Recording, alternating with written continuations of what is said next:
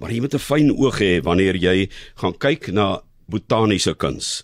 Die detail daarin is absoluut verstommend. En um, ons het een van die kunstenaars, Jaco Joubert, wat met ons kom gesels oor botaniese kuns en verjaar se uitstalling by Kirstenbos. Nou eers is die goeie nuus. Mense kan gratis gaan kyk na die kunsuitstalling. En daar's die slegte nuus, ja, maar jy moet vir Kirstenbos betaal nie. So, ehm um, dis in die ou Mutual saal daar, Jacques en dit is sommer 'n absolute wonderlike geleentheid, né? Uiteraard, dit is by die hoofingang. Ehm um, soos wat mense daar opstap na die ehm um, kweekhuis toe vir die ehm um, sukkulente huis. En uh, net so na die regterkant sal julle sien daar's 'n 'n teken op vir die nasionale botaniese kunsuitstalling wat uh, plaasvind by Kirstenbos tot en met die 25ste van hierdie maand. Wanneer 'n mens kyk na botaniese kuns, dan kan jy 'n treffende eh, landskap sien of 'n plant sien wat groot uitgebeeld word. Nou sien jy partykeer klein skilderytjies, maar baie keer moet jy nader staan want die detail daarin is, is soms verstommend. Ehm um, moet 'n mens in jou kop 'n kop skuif maak wanneer jy na grootwerke kyk en wanneer iets vir jou, ag dis so klein ek wil dit nie my mure hê nie. Die ding is ehm um, grootwerke het dieselfde kwaliteite as wat die kleinwerke het en en dit is so 'n bietjie so effens 'n uh, um, Alice in Wonderland effek dit lok jou nader en dan ehm um, aanvanklik dink jy ag dis nou maar net 'n ou blommetjie en dan begin jy kyk en dan trek dit jou in en dan verloor jy jouself. En uh in daai proses betree jy 'n nuwe wêreld van ehm um, waar niks jou eintlik jy's jy's amper half onaanraakbaar. Ehm um, want jy fokus so op jou werk en en jy word weer gevoer meer, meer gevoer na ehm um, 'n fantasiewêreld Ehm um, en en soos byvoorbeeld die inskildery waaraan ek gewerk het, dit het my altyd laat dink as ek laat in die nag ehm um, buite my studio op my dek gaan staan en na die sterrehemel kyk.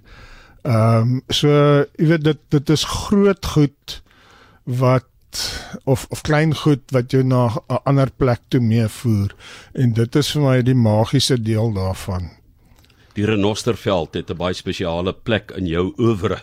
Ja, um, duidelik. Hoekom?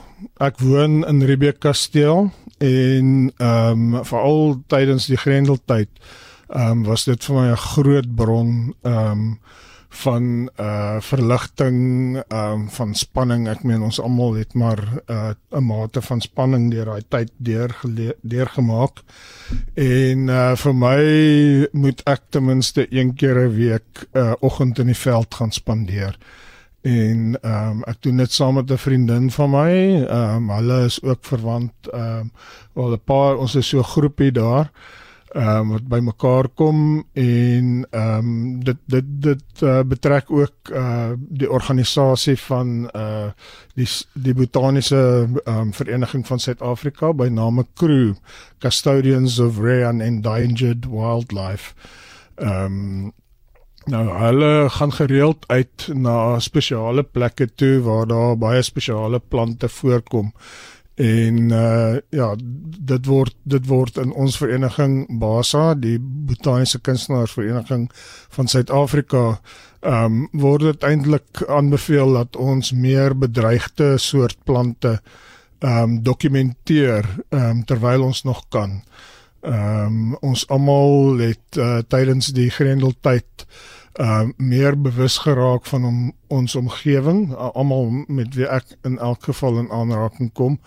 En ehm um, ja dit is dit is 'n 'n geleentheid vir jouself om om jouself innerlik te herlaai want jy jy gaan uitveld toe om jou ehm um, voorbereidingssketse byvoorbeeld te gaan doen ek werk ook baie van fotografiese verwysing af en uh om om na die die die blomtydperk is so kortstondig.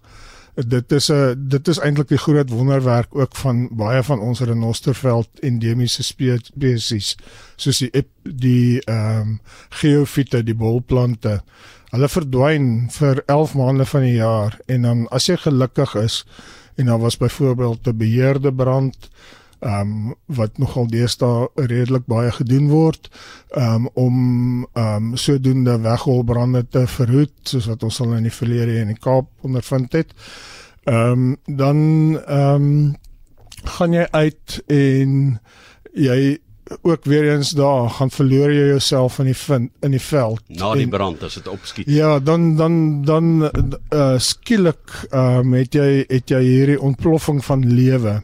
En en dit is wat wat nog altyd vir my vreeslik indrukwekkend is. Ehm um, dat daar is die, daar is die iets met hierdie kortstondige ehm um, lewensiklusie en vir en vir 11 maande van die jaar sit hy daar onder die grond.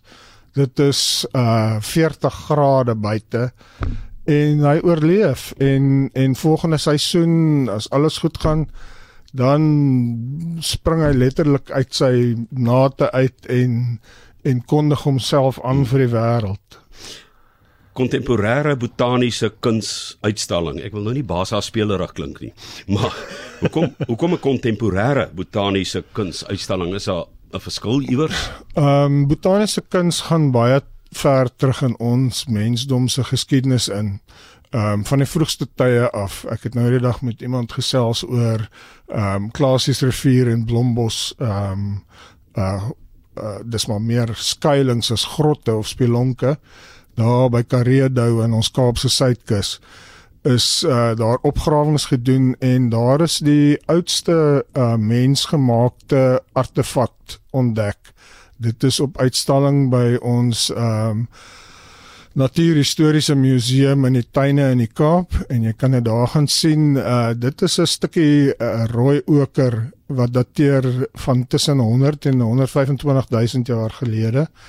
En uh die grotbewoners, hulle was maar strandloop, ons het hulle noem hulle dit is die strandloper kultuur. Ehm um, wat wat ehm um, maar men wat op die strand hulle kossies bymekaar gemaak het en dan skuilings gevind het in die grot. En ehm um, as jy mens ook byvoorbeeld kyk na Lammerts Bay, daar's byvoorbeeld ook daar teen die muur uh van die grot ehm um, goed wat lyk soos eie wat in die helfte deurgesny is. En ek dink daai is altyd vir my so 'n bietjie van 'n die eerste abstrakte denke wat ek al teëgekom het, ehm um, in terme van ehm um, hoe om tyd te illustreer. Maar ja, later van tyd, baie later, ehm um, met die met die Romeinse, die Griekse en voor hulle nog die die Egiptiese en ehm um, Midde-Ooste se ehm um, ryke daar in ehm um, Sirië. Ehm um, was die mens nog altyd ingestel om om plante uit te beeld. Um, om byvoorbeeld vir iemand wat dit nie baie goed ken nie te te kan verduidelik. Dis hoe hierdie plant lyk en en van die vroegste tye af van van ons voor voorgangers wat in uh, grotte gewoon het, het mense besef dat sekere plante het sekere kwaliteite wat wat vir jou kan verligting bied as jy siek is. Ehm um, dit kan koors breek, jy kan allerlei goed daarmee doen. Jy kan wild vang met toue wat jy maak uit plante uit so en ook as as as mens teruggaan na ons ons oergeskiedenis Afrika die die ehm um, uh weg van die mensdom was in in in die tyd wat die mens ontwikkel het was hy van hoek tot kant was hy een groot woud hmm.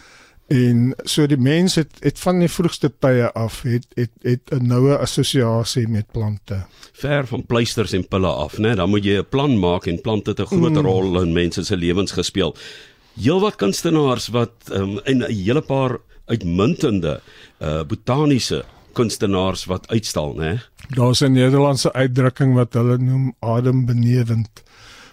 En dit slaan letterlik jou asem weg van die werk daar. Ehm um, ja, daar's 'n groot verskeidenheid werk uh, wat op uitstalling is. Ehm um, en ge, ons is uh, tot 'n mate 'n bietjie geseënd met met die Grendeltyd want ons kon vir 'n tydperk kon ons nie ons ons ehm um, biennale uitstallings wat elke 2 jaar aangebied word of in Gauteng of hier onder in die Kaap nie en so ons het ons het uh, daar's omtrent so 180 kunswerke van 65 kunstenaars wat verteenwoordig word en dit is definitief nie elke dag wat jy kan instap in 'n vertrek en soveel uitmuntende, uitstekende botaniese kuns um onder een dak bymekaar kan kry nie. Jy het baie oor die historiese um agtergrond gesels van plante en hoe dit gebruik en waargeneem is en opgeteken is. Natuurlik um pioniers, reisigers het baie keer in hul dagboeke die wat kon teken, het plantjies geteken en wat mm. vandag uiters waardevol is. Vandag is dit maklik met 'n selfoon neem jy dit af, né? Maar dit was ook 'n groot 'n vorm van ehm um, ek sal ons sê visuele geskiedskrywing wat plaasgevind het en nou maak julle dit mooi vir ons met ehm um, met daai gevoel wat jy het as jy daarna kyk en gekonfronteer word in jou huis daarmee dan moet dit enerzijds moet jy sê dis adembenewend. Ja. Um, of anders moet jy bewus wees van die skade wat ons aan die planeet gedoen het en laat dit vir jou 'n tipe van 'n gewete vorm. Ja, dit is dit is as jy in 'n bevoordeelde posisie is om lank so werk te kan wakker word in die oggende, dan dink ek is dit die beste manier om jou dag mee te begin. Ehm um, en ehm um, geskiedkundig het mense goed opgeteken. Ehm um, in die 1700 in die 1700s het uh, Linnaeus byvoorbeeld vanuit Swede mense soos Toenberg na Suid-Afrika gestuur en en dit was in daai tyd was dit eh, 'n uh, groot uh, gebeurtenis. Dit was 'n nuwe wêreld wat ontdek is. Ehm um, die ou wêreld en uh, daar was baie onbekende goed wat mense dan op op die skepe met spesiale metodes teruggeneem het um, om aan aan die Europese um, gehore te gaan bekendstel.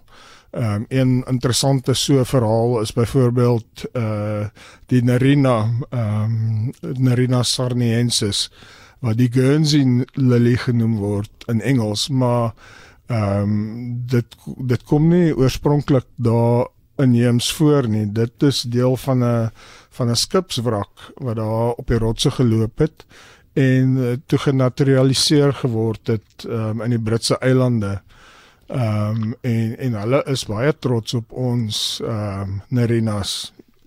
Ek daar in Engeland. Ek ek ek sien dat hierdie uh dat dat jy amper uh, baie van die werke in pastelvorm al voor was 'n sagte tipe voorkoms maar is een wat my is Strelitzia wat my nogal beïndruk met mm -hmm. die mhm. kleurspektrum dit lyk soos 'n reënboog onder mm -hmm. en as jy daarna kyk dan sien jy al die kleure wat jy dink maar net oranje en blou is wanneer jy na daai Strelitzia Nikolai kyk of watter Strelitzia ook ja tradisioneel kyk voordat olieverf ontwikkel is ehm um, het die groot meesters almal in waterkleur of akwarel soos wat dit in Frans bekend is ehm um, gewerk hulle het dit uh, um, gemeng met met water as 'n as as die die die medium uh, wat wat wat hulle dit mee kan um, aan aanwend en dan ook ander goed soos uh, boomgom en osgal en allerlei natuurlike produkte wat wat later gesintetiseer is.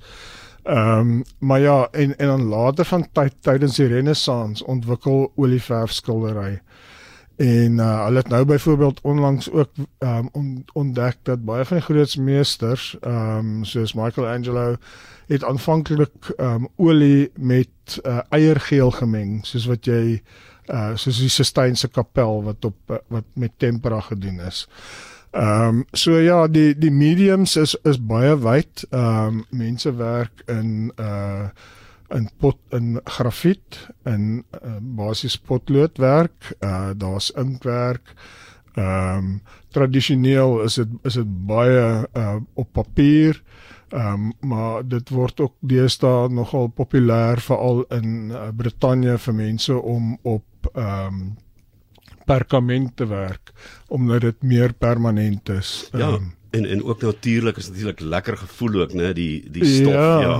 Jaco ons moet ongelukkig uh, saamvat as Jaco Joubert wat oor botaniese kuns en verjaar se uitstalling by Kirstenbosch so interessant gesels net weer daai 65 kunstenaars jy sê hier by die 180werke wat tentoongestel word en in uh, die verskillende media wat gebruik word net weer tot wanneer is julle daar en waar tot die 25ste by Kirstenbosch by die hoofingang en jy stap basies deur uh voordat jy by die by die uh kontrolepunt kom om jou kaartjie na te gaan. So stap maar net so op na die na die sukulente huis en jy sal sien ons is aan die regterkant by die Old Mutual ehm um, vertoon lokaal.